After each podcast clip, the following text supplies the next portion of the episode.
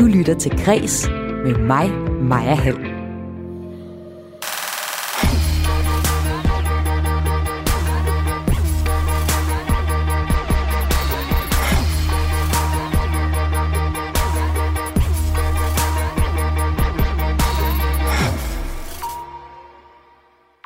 Og Kreds er dit daglige kulturprogram her på Radio 4, hvor jeg hver eneste dag opdaterer dig på de vigtigste historier i kulturen. Og her om fredagen, så inviterer jeg et panel ind til at vende ugen, der gik. Og det er et panel, der netop kommer fra kulturen, så jeg kan byde velkommen til huskomponist på Aarhus Teater, Marie Højlund. Tak.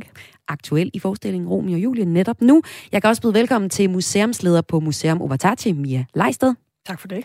Og velkommen til kulturredaktør på Avisen Danmark, Annette Hyllested. Også velkommen til dig. Tak skal du have. Vi øh, har tre historier, vi skal igennem de næste 55 minutter. Først i udsendelsen skal vi tale om, at den danske kunstner Jim Lyngvild får kritik af grønlandske debattører for sine billeder for skin-virksomheden Greater Greenland, der nu skal udstilles. De gør grin med vores kultur, lyder det for kritikerne. Men hvordan kan man som kunstner egentlig så overhovedet få lov til at fortolke andre kulturer? Det taler jeg med panelet om i dag. Og også med Lyngvild selv. Dernæst så skal vi her i kreds tale om, at øh, børn kan møde seksuelt indhold, når de spiller spillet Roblox. Det er det de mest populære spil i den unge målgruppe, og Roblox fungerer som en slags app store, hvor brugerne kan skabe deres egen spil. Men det er så også det, der er Roblox store problem. Skal vi så begrænse børns adgang til kritisabel indhold, eller skal de selv lære at navigere på de forskellige, eller i de forskellige hjørner af internettet? den debat tager vi også i kreds i dag. Og til sidst i udsendelsen, så skal vi se på den gode gamle ophavsret, for Østre Landshold har afgjort, at der var tale om en krænkelse af ophavsretten, da Berlingske bragte en karikaturlignende tegning og et fotografi af den lille havfru, for eksempel med mundbind på i øh, to artikler.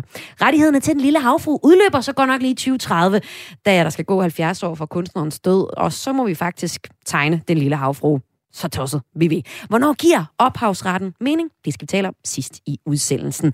Velkommen indenfor. Velkommen til Kreds.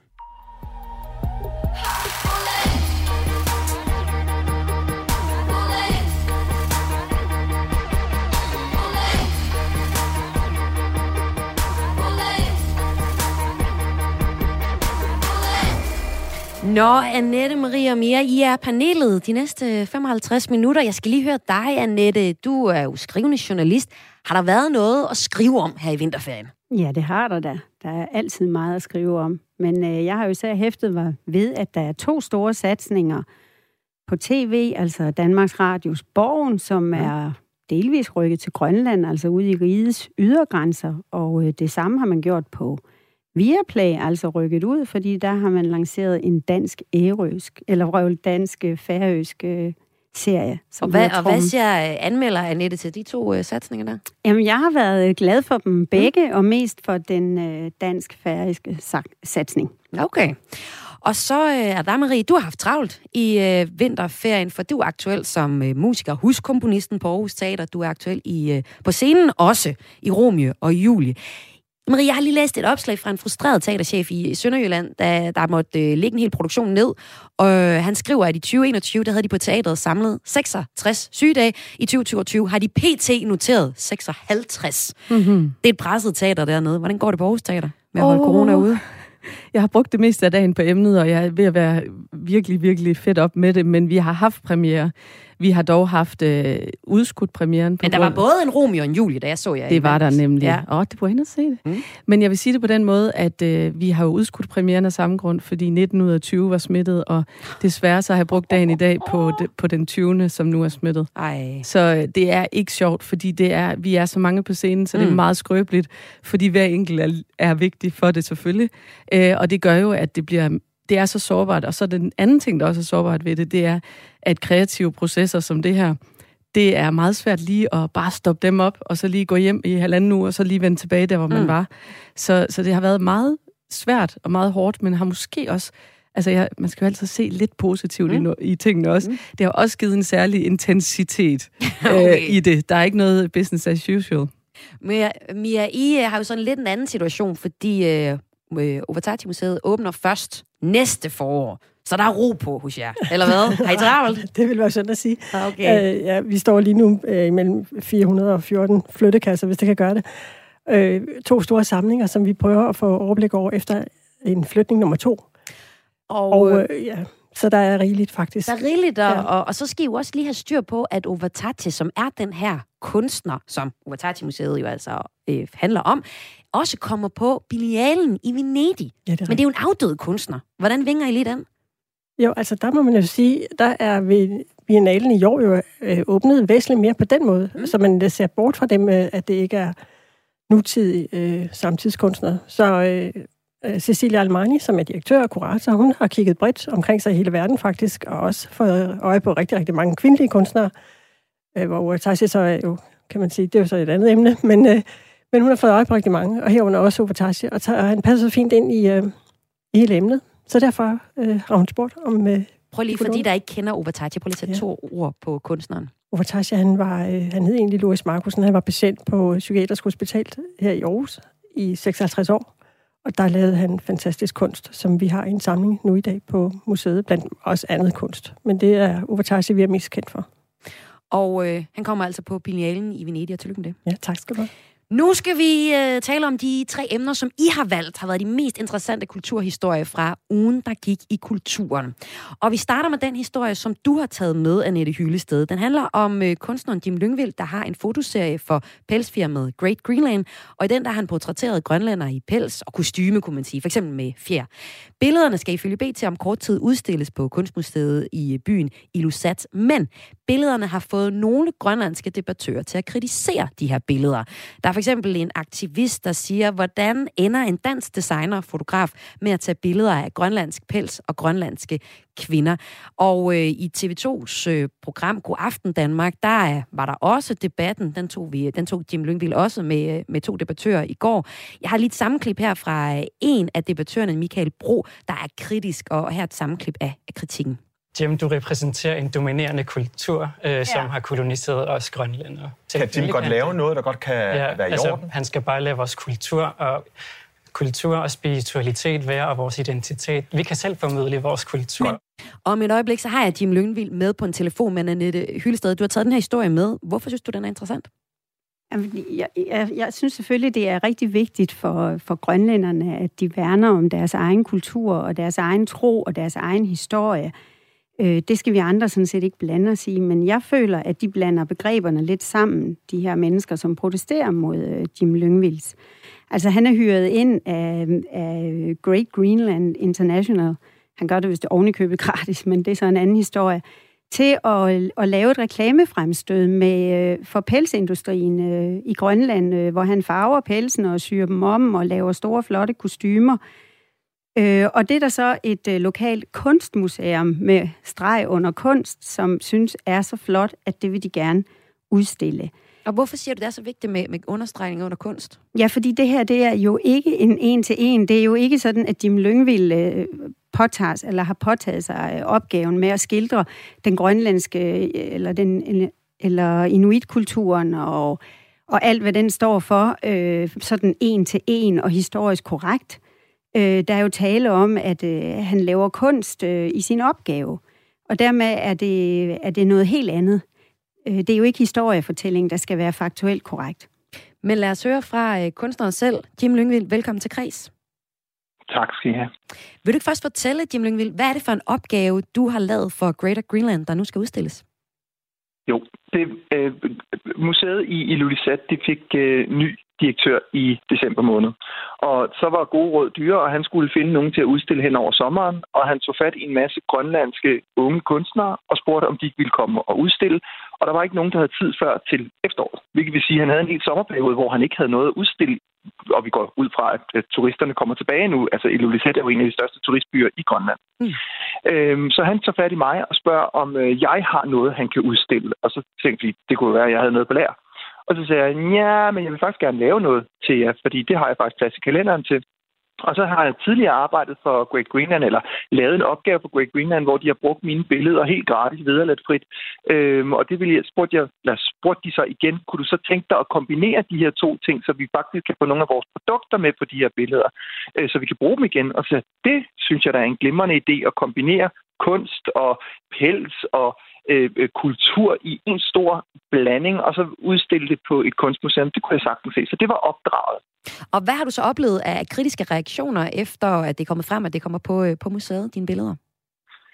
Jamen det, jeg først gjorde, altså det gør jeg jo altid, især når det har med Grønland at gøre, for jeg ved, jeg ved at det er et betændt, betændt emne, og jeg ved, at vi danskere har ofte opført os meget, meget ugunstigt øh, i Grønland. Så, så jeg spørger altid efter og altid ind. Og det vil sige, at først lagde jeg på sociale medier, jeg har 300.000 følgere, hvor der blandt andet er rigtig mange grønlændere iblandt, og jeg skriver også på grønlandske medier. Hvad skal jeg gøre? Øh, designeren Peter Jensen lavede for 10 år siden nogle vildt smukke, øh, lovlange støvler, der er inspireret af den grønlandske kamik, og dem har jeg. Og så spurgte jeg, må jeg bruge de her støvler? Nej, det må du ikke, fordi han lavede kulturel appropriation. Godt, så gør jeg ikke det. Så tænkte jeg, okay, så vil jeg gerne lave havets moder, som er sådan den store myte i Grønland.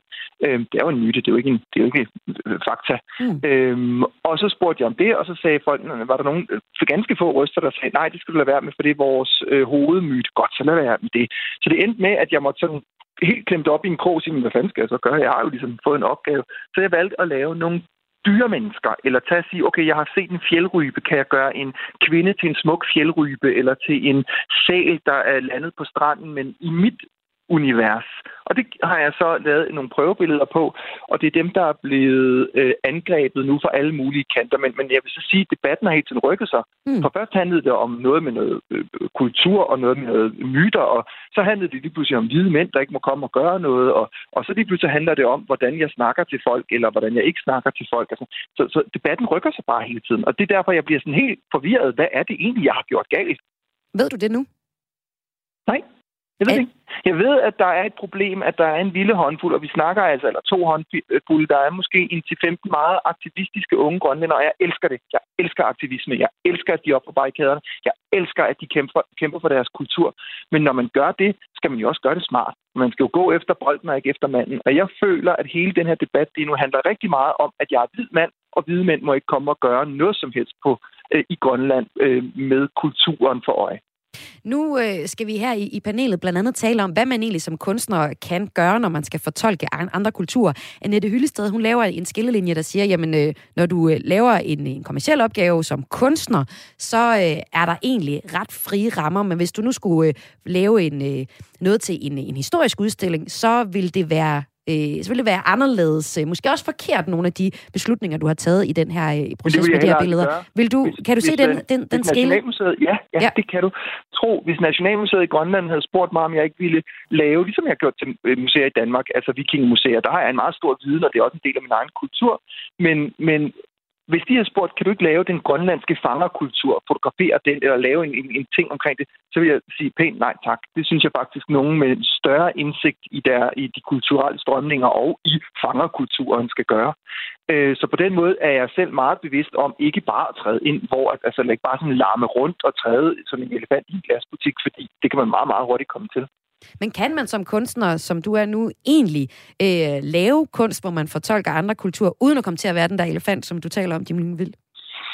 Ja, det er rigtig svært, fordi at jeg har stillet mig selv det spørgsmål. Jeg har faktisk også lige stillet mig selv det spørgsmål, der hedder, om jeg skal trække hele lortet tilbage og sige, jeg gider jeg, jeg, jeg vil ikke udsættes for det her, og jeg vil ikke udsætte nogle mennesker for det. Jeg vil ikke mm. udsætte mine venner eller andre for den her kritik, der bliver øh, øh, spredt nu. Og samtidig så må jeg bare sige, jeg bliver nødt til at blive ved. Selvfølgelig gør jeg det, fordi vi ser altså i nogle ganske få lande rundt omkring i verden, og der er måske nok egentlig flere, end jeg selv er klar over, om det er et asiatisk land, eller om det er i Tyrkiet, hvor Erdogan sætter præstekaste og så videre i fængsel.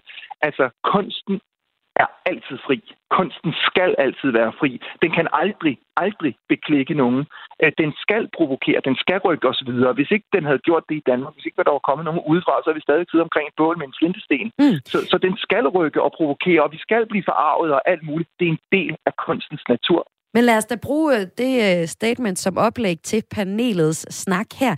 Annette Hyllested, kunsten skal altid provokere, hører vi her fra Jim Lyngvild, som altså på nuværende tidspunkt ikke trækker billederne fra Greater Greenland tilbage.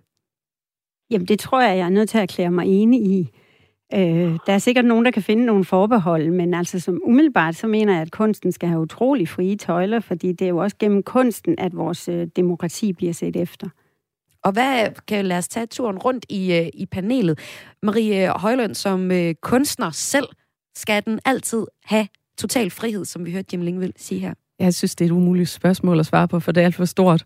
Og jeg, og jeg synes, det er det, der er så svært her i den her øh, debat. Det er jo, som, som Jim Lyngvild også ligesom lægger, øh, lægger op til her, det er, det kommer til at handle om alle mulige andre ting. Og det synes jeg ofte, det gør, når man kommer til at snakke om det her med kunst, om kunsten er fri, fordi det kræver også, at kunstneren er fri. Øh, og øh, der vil jeg sige, der, der, der er vi jo i Danmark øh, forholdsvis... Øh, fri til at gøre, hvad vi vil og udtrykke os, som vi vil. Men vi er jo på alle mulige måder styret ind i vores hoveder af nogle ubevidste mønstre, nogle ubevidste kulturmønstre øh, osv., som, som, vi, som ikke er bevidste for os. Så min pointe vil være i den her sammenhæng at tage det op på et niveau, der handler om at lytte til hinanden. Og jeg synes altid, det er et problem, hvis man ikke lytter til hinanden i en debat. Altså, hvis det bliver en debat, hvor at man ikke er åben for hinandens synspunkter, øh, så, så bliver det umuligt. Øh, og selvfølgelig at have en dialog, kan man sige. Det ligger jo ligesom i udgangspunktet. Så øh, det er også svært her, fordi vi har heller ikke den anden stemme med i programmet. Nej, vi har ikke øh, de debattører, Nej, som det, det, Lyngvild har med, ud over det klip, vi lige spillede fra uh, God Aften Danmark. Uh, lad mig også høre dig, Mia Leisted. Der er jo masser af fortolkning i kunstens værk nu i uh, museums, uh, hvor I også står, hvor nogen nogle gange gerne vil låne jeres billeder og, og lave uh, fortolkninger af det. Hvad tænker du om, om den her sag med at fortolke kultur?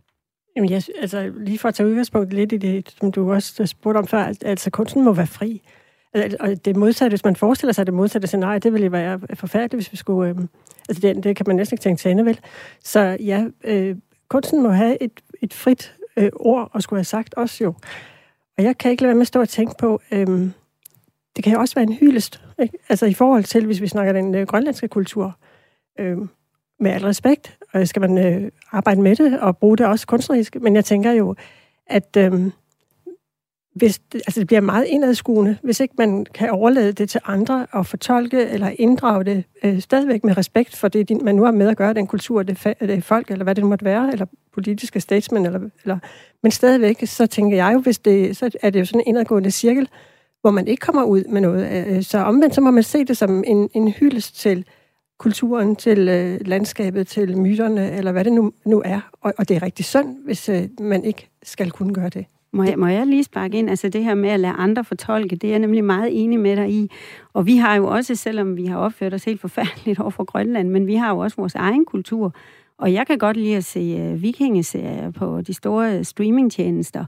Uh, og der bliver vores mm. historie jo i den grad også fortolket og pyntet på, og mændene er jo så muskuløse, så Ja, derfor det virker. du godt lide at se dem.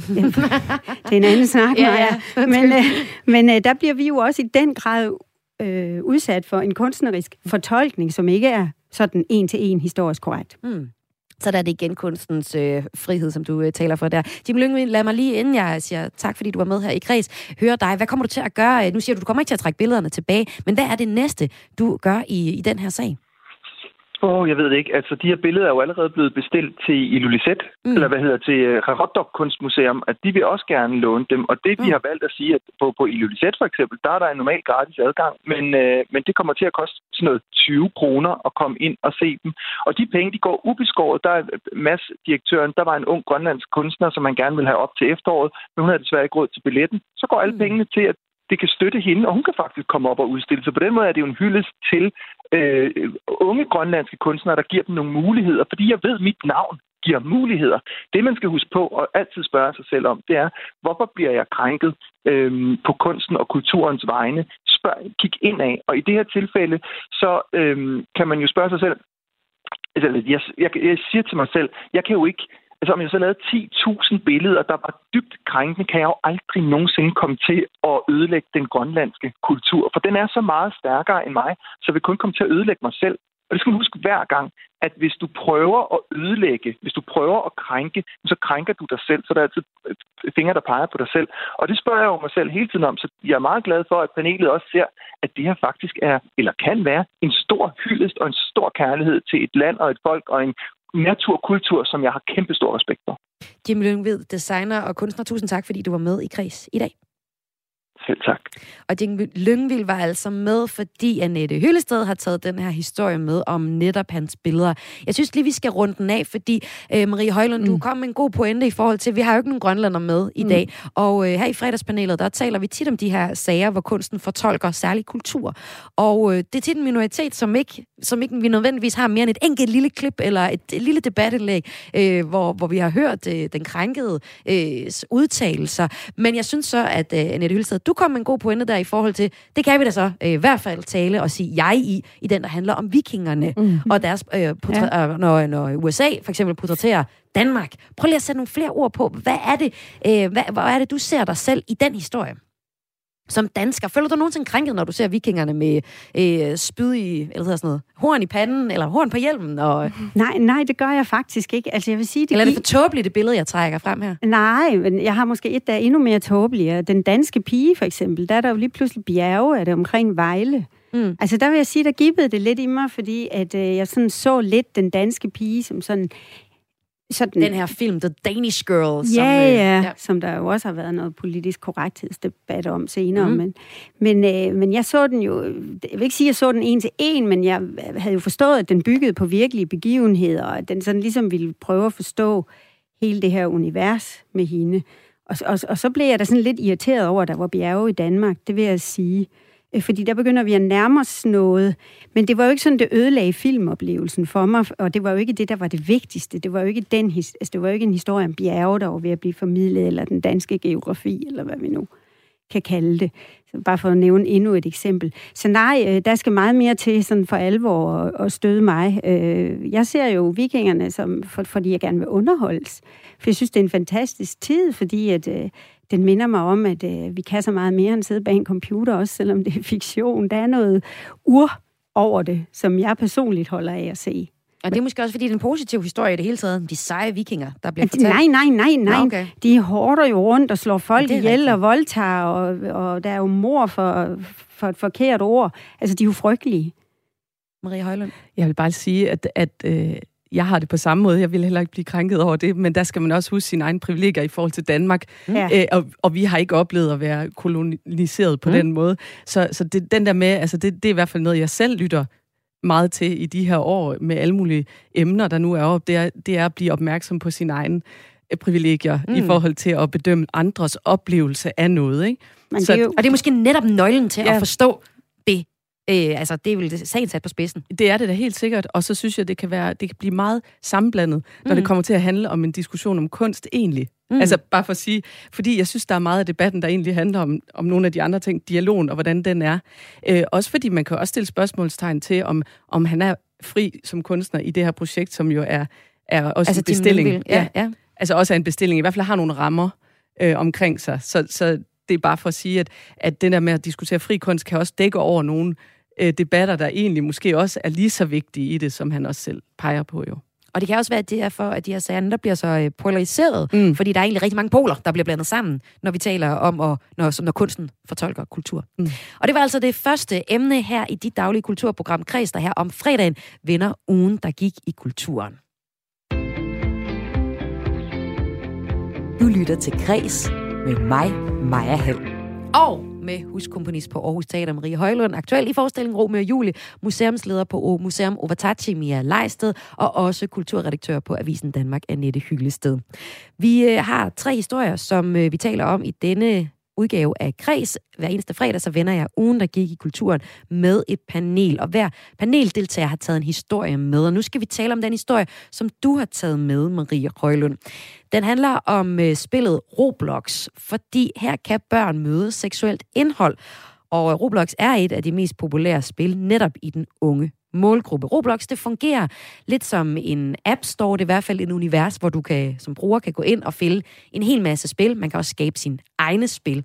Og det er så også lidt det, der er problemet med Roblox. Fordi øh, der er også nogen, der skaber noget, nogle spil, som bestemt ikke er egnet til de øh, 8-13-årige, der er rigtig glade for det her spil. Det er en historie på DR.dk, som øh, de har fået fra BBC. Og til BBC, der siger Roblox selv, at selskabet gør alt for at fjerne det seksuelle indhold. Marie Højlund, hvorfor har du taget den her historie med til panelet?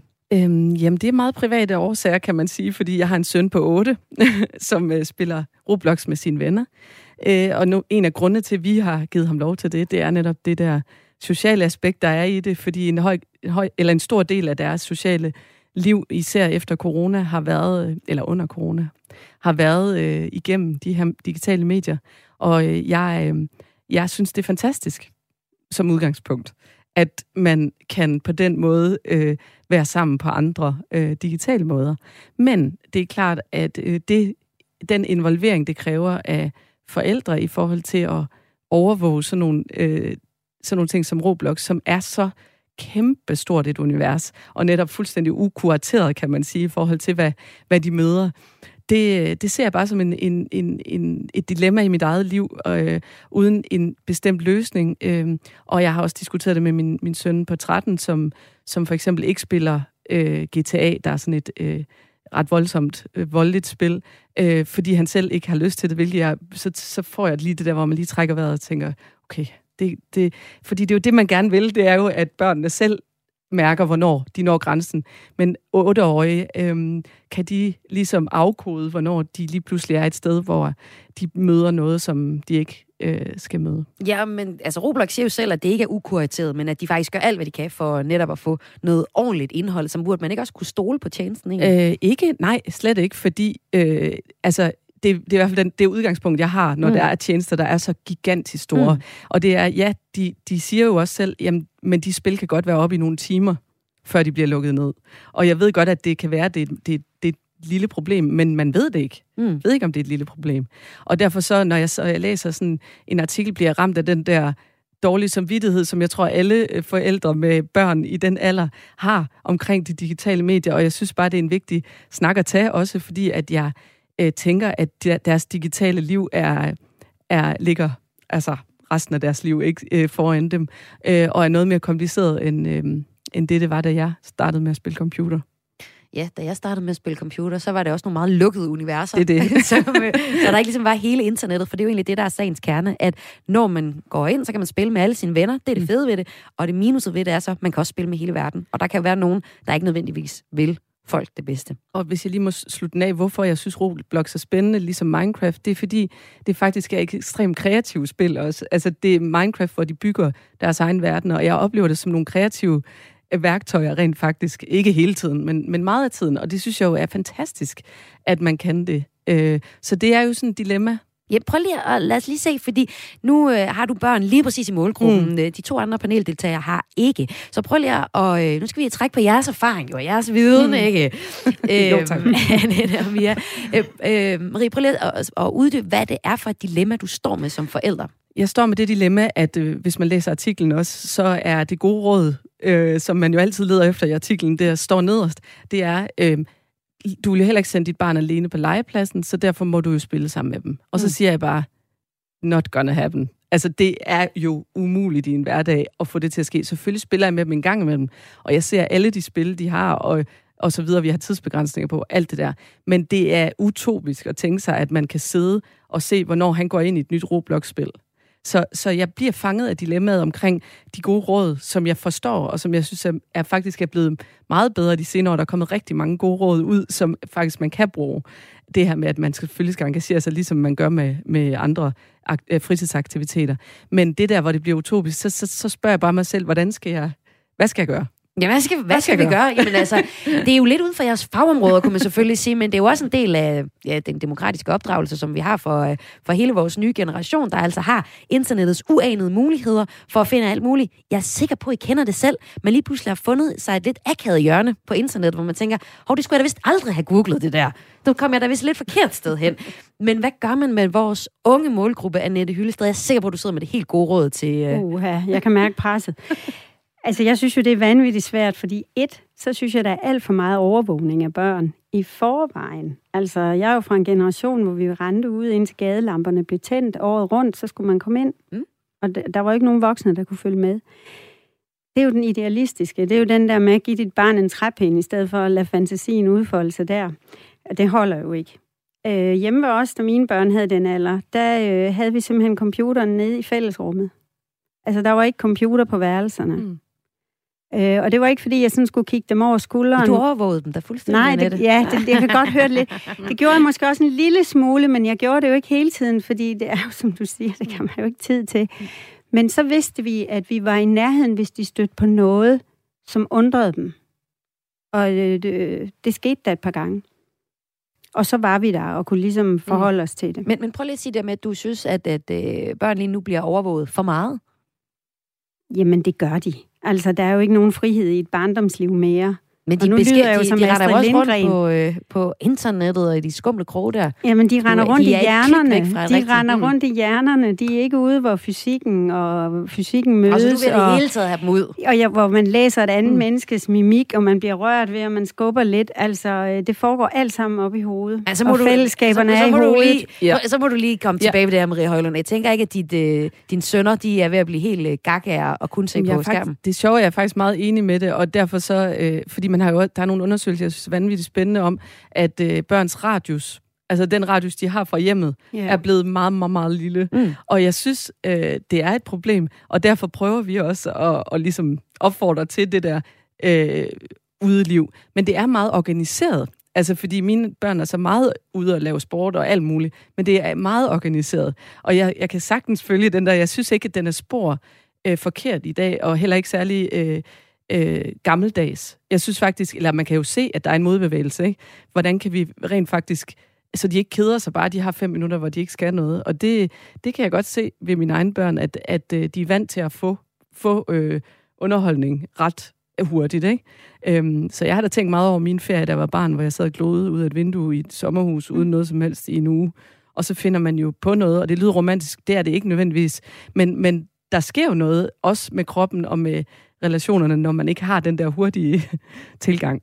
Men hvis vi taler med eksperterne på det her område, og nu mm. tænker jeg både på folk, der arbejder med øh, for eksempel en IT-type, eller nogen, der arbejder med børns øh, navigation på internettet, så hylder de jo, at børnene er der, og de mm. taler sammen, og de er kreative på nye måder. Mm. Og at os, der sidder i panelet, fuldstændig overser de muligheder, der faktisk er ved spil. Men lad mig også lige stille den øh, over til dig, Mia Leisted. Hvad tænker du om øh, børn, der render rundt på nettet og støder på nogle lidt skumle kroge af og til? Ja, altså, jeg, vil, jeg kan jo sagtens genkende det, Annette, hun kommer ind på der, fordi der jeg er jo også barn af den tid, hvor man netop brugte de lange aftener, om det var vinter eller sommer, eller hvad det man nu gjorde, og sommerferien gik med alt muligt andet også, som, og det var udenfor. Så øh, med alt skam og øh, far for, at jeg bliver stemt som en for tiden, så er det sådan, der. Så kommer jeg også til at tænke på, jamen, børnene skal jo ud. Altså, de skal ud og bruge øh, fantasien, de skal ud og bruge fysikken, og de skal ud og selv øh, skabe de universer. Det, Men det gør de, de, de der også. Det, det gør de også, og det er, bare, det er bare fordi, jeg har jo ikke selv børn og sådan noget. så selvfølgelig gør de det. Yeah. Jeg vil bare så gerne have, at de øh, netop bruger fantasien, og ikke øh, har, hvad kan man sige, de der brikker, de får ikke brikkerne for ærende nødvendigvis. Altså, og jeg ved godt, det er utrolig gammeldags og indstillet på den måde. Men det her spil lyder jo faktisk ret fantastisk, for det er ja, ligesom det Minecraft, det. at mm. man selv er med til at finde på nogle spil. Men lige bestemt, ja, og det kunne jeg jo læse mig til. Mm. Jeg, har, altså, jeg havde hørt det sådan lidt, faktisk først den nu her, må jeg mm. tilstå, Øh, og jeg kunne ikke engang stave det. Jeg var hen og google det her, og jeg stavede forkert. Så øh, og var inde og læse om det, og det kan man jo godt læse at tage til, at, øh, hvad det egentlig er, det handler om. Det der med, at man også, så vidt jeg kan forstå, og altså må I korrigere mig, det er noget med, at det er en platform, at man laver faktisk sin egne spil og sine egne små Præcis. verdener, som andre så kan, øh, kan øh, tabe ind i, eller hvad man nu gør. Mm. Men Ja. Undskyld, men sidder din søn på sit eget værelse? For jeg tror, det er min vigtigste Jamen, pointe. Det synes jeg er en super god pointe, og det vil jeg sige, det, han vil egentlig helst være i det fælles rum. Mm. Og det er jo interessant, når man så engang imellem selv siger, at gå lige ind og spil, fordi de snakker jo med hinanden. Så der er jo også et vældig virvar omkring det der, ikke fordi de taler med hinanden igennem teknologien. Og jeg synes, det er en super god pointe, det der med ikke at isolere sig med sin egen øh, iPad. Men jeg, og så en anden vigtig pointe også, det er at få det der rum omkring, at der ikke, øh, det, ikke, det ikke skal være farligt at komme og fortælle noget, man har set, eller noget, man har oplevet, fordi man er bange for, så siger farmor, at så skal jeg slukke. Altså, men, men jeg synes også, I taler lidt ned i en generationskløft, fordi I alle sammen mm. øh, hylder det med at komme udenfor. Jeg er sikker, simpelthen fuldstændig sikker på, at børn kommer masser ja, mine ud, børn kommer og meget røvkeder sig også ja. rigtig, rigtig, rigtig meget. Det er, det er helt overbevist om. Mm. Så nu tager jeg lige det ståsted i hvert fald, bare lige for at skubbe lidt til jer. Fordi det, jeg jo egentlig også hører jer sige, det er, at I faktisk ikke helt forstår, hvad det er for et, et kæmpe kreativt rum, som der er rigtig mange steder i, i spilverdenen. Jo, det er netop det, jeg startede med at sige. Det er så fedt og se, hvor kreativt det kan være. Fordi jeg, jeg har jo også den modsatte tanke. Hold kæft, jeg havde ikke meget at gøre med, når jeg sad i det sommerhus der. Altså, hvis jeg, så kunne jeg måske have haft alle mulige ting, jeg kunne have leget med, men jeg, jeg, jeg, jeg totalt oppe på, at de har de der verdener, hvor de mm. rent faktisk er kreative på den samme måde, som hvis man er ude og bygge den hule, fordi brækkerne er ikke givet på den måde. Altså, det er meget åbne åbne platform, hvor, hvor de rent faktisk skaber. Så, så hele den del, og også nu jeg arbejder med musik, øh, hele den øh, demokratisering, der er omkring at, at skabe musik igennem de her platforme, det er helt fantastisk, og mere af det. Altså 100% Så, men, øh, men der er jo ikke kroppen. Altså, og det synes jeg jo er vigtigt, at kroppen er jo ikke i spil på samme måde, når du sidder der. Og, og jeg synes, de skal det... det her jo Singapore. Løs det. Værsgo. Men det store spørgsmål er vel her, hvordan man, hvordan man skal gøre, når de så falder ned i det der, de ikke skal se. Altså fordi der er jo, sådan er det jo altid i et hvert mm. paradis, der er slanger, og det er det også her. Mm. Øhm, og det er rigtig svært at finde et entydigt svar på, fordi du kan ikke stå og kigge ind i computeren hele tiden. Men det er jo lidt interessant, som du jo faktisk mm. siger, øh, Maria Højlund, at din øh, ældste søn, han har faktisk taget stilling til det, han spiller. Ja, og uden at jeg vidste, havde han taget stilling til ikke at ville spille det, og det er klart, at det gjorde mig øh, stolt og glad, men jeg ved jo også godt, nu er han, teen, nu er han lige blevet teenager, mm. så jeg ved jo også godt, hvad der venter forud øh, på en eller anden måde, og jeg, jeg har det jo sådan, at han skal jo helst have eller de, børnene skal jo helst have deres eget kompas, øh, som de på en eller anden måde kan navigere efter, så det ikke handler om, at vi siger, det må du ikke, og det skal du ikke hele tiden. Fordi det er jo en del af den kontrol med børn. Det er jo også, at de hele tiden skal spørge mor og far, må man det, må man ikke det? Altså, så hvis man kan få installeret en eller anden form for kompas, også i forhold til det digitale. Og det, tænker jeg, er en, er en vigtig opgave som forældre i dag, som man ikke kan, kan springe over. Et sidste ord ja, i snakken? Ja, jeg tænker lige, men de to muligheder, ja, så, lige for at vende tilbage til det, mm. som er, hvis man skal øh, hvad hedder, forhindre, at børnene løber ind i nogle øh, sider eller nogle spil, eller nogle, der, som ikke, de ikke skal, øh, skal møde, mm. så er der de to muligheder, at øh, far og mor sidder ved siden af, eller en af forældrene sidder ved siden af, eller også så øh, skal man prøve at snakke med barnet om at komme mm. og sige til, hvis det er, de har oplevet noget, der ikke var, altså de anser for, altså virkelig. Jeg tænker bare en lille smule, øh, så er skaden lidt sket. Så mm. ved jeg godt, at man vil at snakke med barnet, jamen så kommer man tilbage på sporet igen og snakker, men hvad var det for noget, du så der? Mm. Øhm, men det er bare det, jeg tænker, så har barnet været der, og så kan man blive enormt træt af dem, som ødelægger øh, noget mm. ellers øh, godt, som kunne have været godt jo for børnene. Det blev sidste ord. I snakken her om øh, spillet Roblox, hvor øh, man altså også desværre kan finde noget indhold, der måske ikke lige er målrettet øh, den unge målgruppe, målgruppe, som ellers er rigtig glad for det her spil. Du lytter til Græs med mig, Maja Hall og du lytter til fredagsudgaven af Græs. Græs er dit daglige kulturprogram her på Radio 4, hvor jeg hver dag kommer med nyhedshistorier fra kulturen. Og om fredagen, så vender jeg ugen, der gik i kulturen med et panel. Og panelet i dag består af museumsleder på Museum Ovatachi, Mia Leisted. Det består af kulturredaktør på Avisen Danmark, Annette Hyllested, og huskomponist på øh, Aarhus Teater, Marie Højlund. Og den sidste historie, vi skal tale om i panelet i dag, den handler om øh, ophavsretten. For Østre Landsret har efter en lang en masse retssager frem til men nu afgjort, at der var tale om en krænkelse af ophavsretten, da Berlingske i 2019 bragte en karikaturlignende tegning og et fotografi af den lille havfru med mundbind på i to artikler. Det er arvingene i, øh, til billedkunstneren øh, Edvard Eriksen, der har skabt det lille havfru, som har slæbt Berlingskes ansvarshavende redaktør Tom Jensen i øh, retten. Og i sidste uge, der slog landsretten så fast, at Berlingske skal betale i vederlag og forhøjet vederlag og godtgørelse til over 300.000 kroner. Chefredaktør på Berlingske, Tom Jensen, er stærkt forundret over afgørelsen. Det siger han til Ritzau, og jeg kommer lige med et citat her. Vi ankede jo til landsretten, fordi vi fandt, det var en stærk principiel sag, som danske medier derfor også har kastet sig ind i. Efter vores opfattelse drejer det sig ikke om en ophavsretskrænkelse, men om mediets friret til at referere til et nationalt symbol, som for eksempel den lille havfru, i en ren redaktionel kontekst, som det jo er, siger Tom Jensen. Mia Leisted, det er dig, der har taget historien med. Hvorfor synes du, den her den er særlig interessant i den her uge? Øh, det, jeg skal så sige, jeg kom lidt ind i den. Det, der lige vækkede min interesse, det var faktisk, at jeg kom ind i en udsendelse på P1 og øh, Kultur P1, hvor den her øh, snak var i gang, faktisk med øh, en af tegnerne fra Berlinske. Og der tænkte jeg, fordi øh, resultatet af det var jo, eller det, hvor de snakkede hen til, det var jo, at øh, det, der kom ud af det, det var, at tegneren, han jo faktisk ikke vidste, hvor han stod efterhånden øh, i forhold til øh, friheden til at tegne, og, altså jeg mener som øh, karikaturtegning, tegner, der er det ret vigtigt, at man, øh, det er som regel det, man har et forlæg, om det er politikere, eller hvad det nu er, eller en sag, eller politiske, af en eller anden art. Men der er et forlæg, Øh, så jeg tænker, jamen det er da heller, altså det er da ikke nemt at være tegner så på den måde, hvis man ikke må kan kommentere eller citere eller hvad man nu øh, gør som, øh, som tegner eller kunstner i øvrigt også. Så øh, jeg tænkte, øh, at, øh, at altså jeg faktisk har tænkt, det er da lige øh, at gå lidt øh, til stregen det her i forhold til at øh, stække øh, friheden. Og jeg, man kan jo hurtigt så se, at ja, der er noget, der hedder ophavsret. Den har vi også brug for, også i forhold til at beskytte kunstnere og deres værker øh, mod øh, at udnytte det kommercielt. Men, men her, der tænker jeg bare, at øh, ja, hvor går grænsen? Det er lidt elastik i, i metermål, det her, fordi øh, der er ophavsretten, men samtidig så skal man jo også Øh, og så især den lille havfru, kan man, det er jo så igen omgået med noget helt specielt, fordi vi har, det er jo, kan man sige, det er jo vores allesammen, det er jo et nationalt øh, klenodie. Så hvis man hele tiden skal igen passe på, jamen, øh, ja, ikke at gå over den der magiske grænse selvfølgelig, men, øh, men jeg ved, det er bare det, hvor, går, hvor, hvor langt kan man gå så? Øh. Ja, altså landsretten har jo så øh, i afgørelsen lagt særlig vægt på, at der er en sådan lighed mellem tegningernes øh, havfrufigur på en sten og selve værket, at tegneren ikke blot har ladet sig inspirere. Og jeg har et billede af tegningen øh, til at, og jeg har printet ud til jer her, som jo er jo meget tydeligt, når man ser det, så er det jo en lille havfru, man ser. Vi har set øh, lignende historier, hvor, øh, det, hvor øh, efterkommeren fra øh, øh, kunstneren er blevet, øh, har, har har trukket kunstnere i retten netop på grund af, at der, det er udover inspirerende. Det er ikke bare blevet, hvor kunstnere ikke bare har lavet sig inspirere. Der var også et, et, et kunstværk i, mm. i Nordjylland, som, øh, hvor, hvor det var samme historie om igen. Men ophavsretten er der jo også af en grund.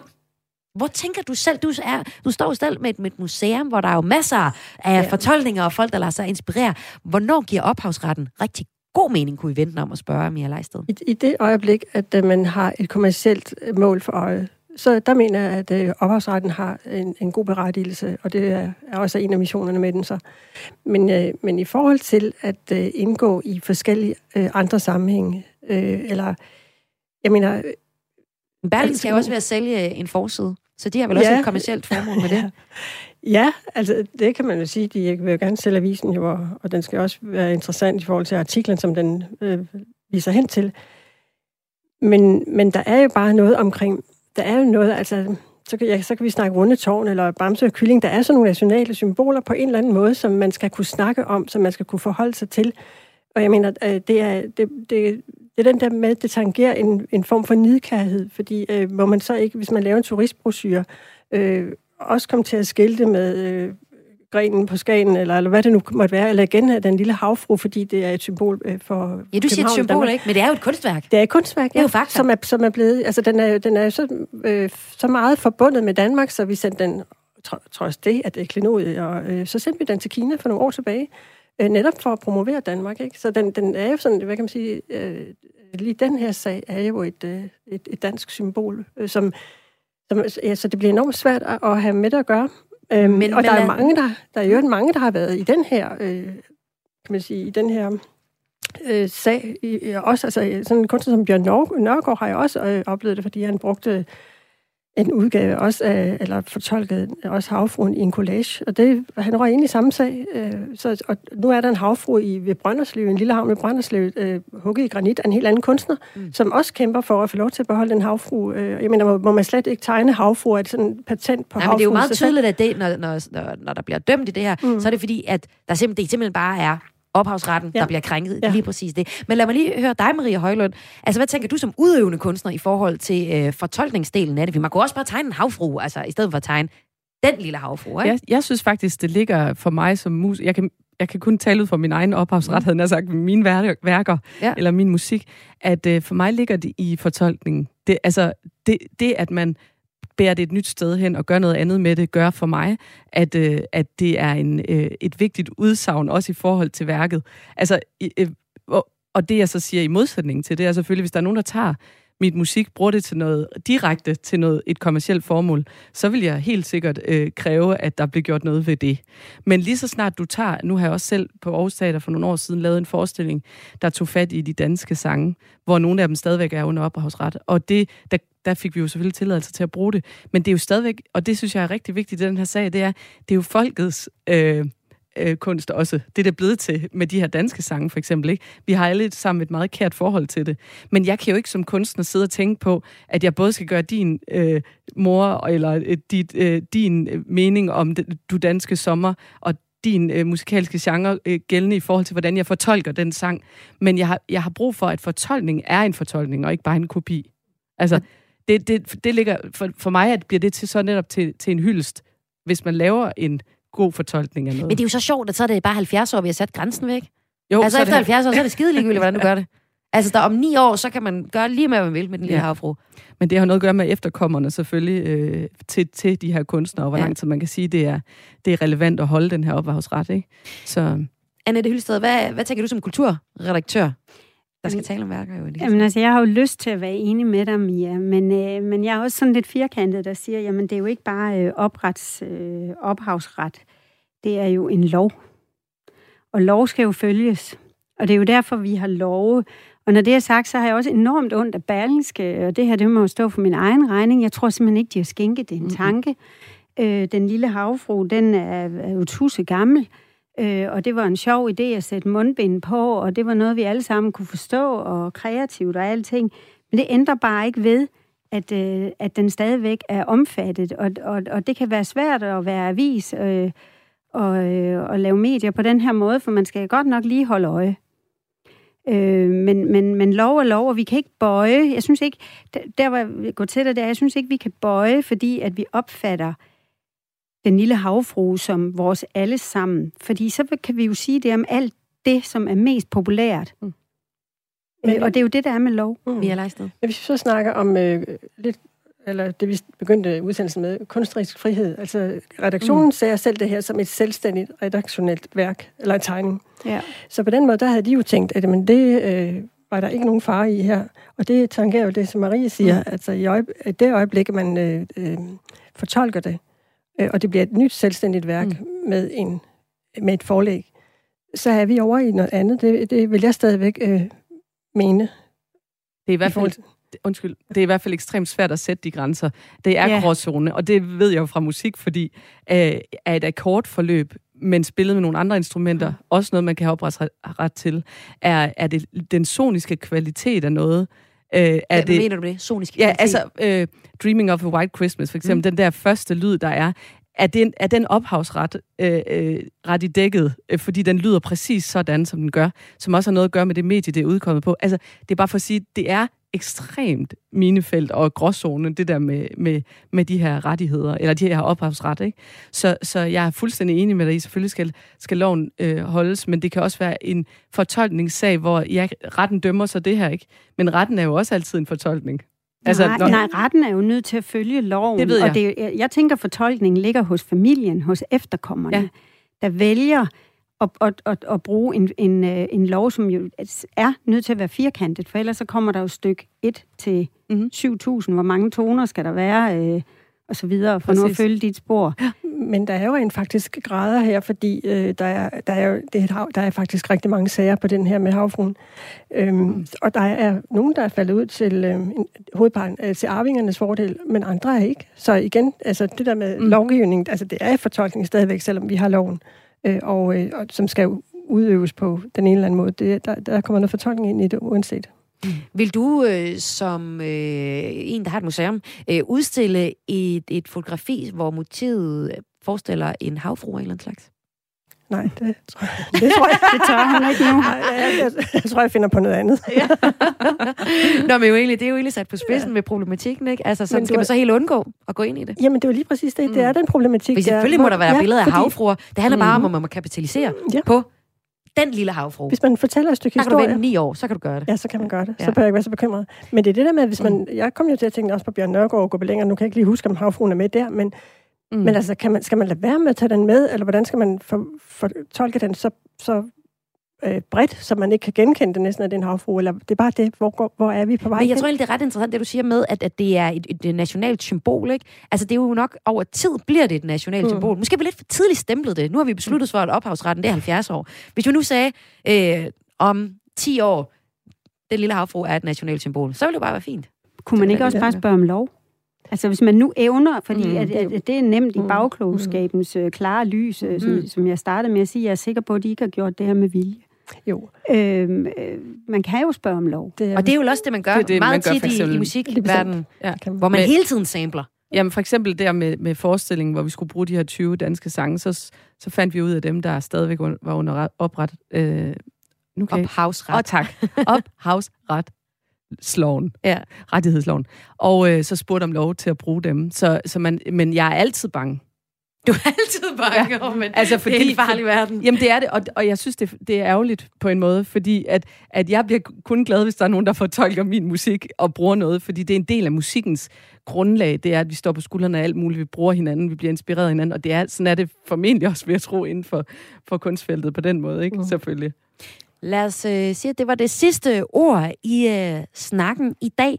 I dagens udgave af Græs, som er en fredagspanels udgave, hvor vi vender ugen, der gik i kulturen. Der har vi talt om, hvordan man portrætterer forskellige kulturer med øh, eksemplet med Jim Lyngnevild, der har taget, lavet nogle billeder af grønlandere til et museum i Grønland. Og øh, så har vi talt om et computerspil, Roblox, som, øh, ja, hvor man simpelthen også kan finde øh, nogle seksualiserede spil inde i det her spil, og hvad vi egentlig gør ved det. Og det sidste, vi har talt om, det er ophavsretsloven i forbindelse med den lille havfrue. Jeg slutter udsendelsen her med at spille noget Johnny Cash. Kan I gætte på, hvorfor? Han er over ophavsret ah. nu. Ja. Nej, det, han bliver 90, hvis han var i live, så bliver han 90 næste søndag, hvor vi også får et nyt Johnny Cash Museum i Jylland, i Randers. Øh, ja. Mm. Mm-hmm. Har I noget forhold til... Øh, Johnny Cash? Altså, Marie Højlund, du tænker jo klart nu, nu planker jeg hele hans bagkatalog, fordi det er, det er frit tilgængeligt nu. Jeg tænkte også på jeres jingle, faktisk. Mm. Er det MIA, eller hvad er det? Det er Killj, og her har vi... Oh, det er Killj. Mm. Killj med Bullets, som vi også har fået lov til at bruge. Og må jeg lige sige noget sjovt? Mm det er, hun er jo inspireret af MIA, tror jeg. Det kan jeg da i hvert fald høre. Og det er jo sådan, musikken er, ikke? Det mm. er jo, at det, er, det ligger på skuldrene. Ikke? Men det er rigtigt. Ja. Det er rigtigt. Hvad, Johnny Cash, siger det noget over? Ja, ja, ja, gør det da. Ja, ja, ja. Jamen, det er fremragende. Vi slutter af med en klassiker, Walk the Line, og så vil jeg sige tusind, tusind tak for, at de, øh, I var med i panelet i dag, og en opfordring til at gå ind og opleve de forskellige ting, I laver. Man kan for eksempel tage ind og se øh, Romeo og Julie på Aarhus Teater, hvor du, Marie Højlund, er aktuel i forestillingen. Man kan simpelthen se dig på scenen. Oh yes. Yes, du sidder ned i dag, for ja. du er så træt jeg er så træt. Jeg skal rundt. Hun står op om aftenen. Så kan man først om et år opleve uh, Museum Overtachi i Aarhus, hvor Mia Leisted, du er museumsleder. Og uh, man kan selvfølgelig også lidt følge med i bienialen, og hvad der ligesom sker i Venedig der, fordi der er Overtachi. Faktisk. Vi laver en lille paralleludstilling her hen over sommeren. Så vi har lidt, og nogle gange okay. har vi døren åben på klem. Ja. Ah, okay, døren ja. åben på klem ja. på Museum Overtachi. Og så kan man jo altid følge med i, hvad du skriver om på Avisen Danmark, Annette Hyested. For eksempel kan man skrive lidt om, hvordan du har det med hen og, øh, og høn og den og de. Ja. Og... Jamen, jeg har det egentlig okay med hen. Jeg synes ja. faktisk, vi skulle indføre det. Fordi ja. der er jo de her mennesker, som ikke oplever sig selv som mest kvinde eller mest mand. Ja. Men, øh, men øh, min kæde, den hopper fuldstændig af og helt ned i grøften øh, hos de mennesker, som så vil kaldes de og deres øh, i ental. Der kan du simpelthen ikke... Det hvorfor det bliver ja, akavet for dig, eller hvad? Jamen, jeg altså, det er jo en respekt jeg... over for de mennesker. Ja, men dem vil jeg gerne vise med hen. Modtaget. Øh, jeg kan, ikke skrive, jeg, kan ikke skrive, jeg kan ikke skrive en meningsfyldt artikel eller føre en meningsfyldt samtale på den måde her. Jeg synes, det er synd for dem. Det, det gavner slet ikke deres sag at gøre det så svært. Annette Hyllested, du åbner op for en, et helt nyt debatemne, vi som vi må tage en anden mere. gang i Græs her på Radio 4. Tusind tak, fordi I var med i hvert fald. Her er det Johnny Cash Walk the Line, program tilrettelagt af Tjelle Vejrup, og mit navn er Maja Hall.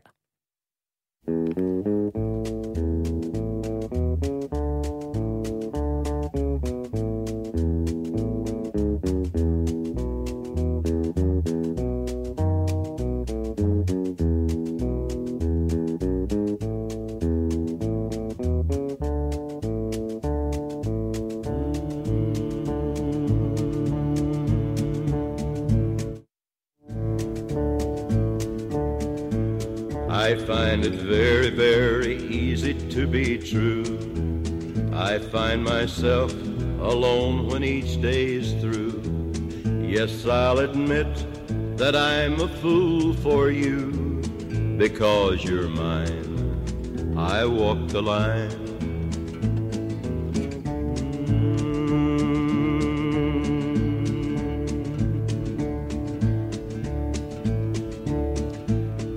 As sure as night is dark and day is light, I keep you on my mind both day and night. And happiness I've known proves that it's right because you're mine. I walk the line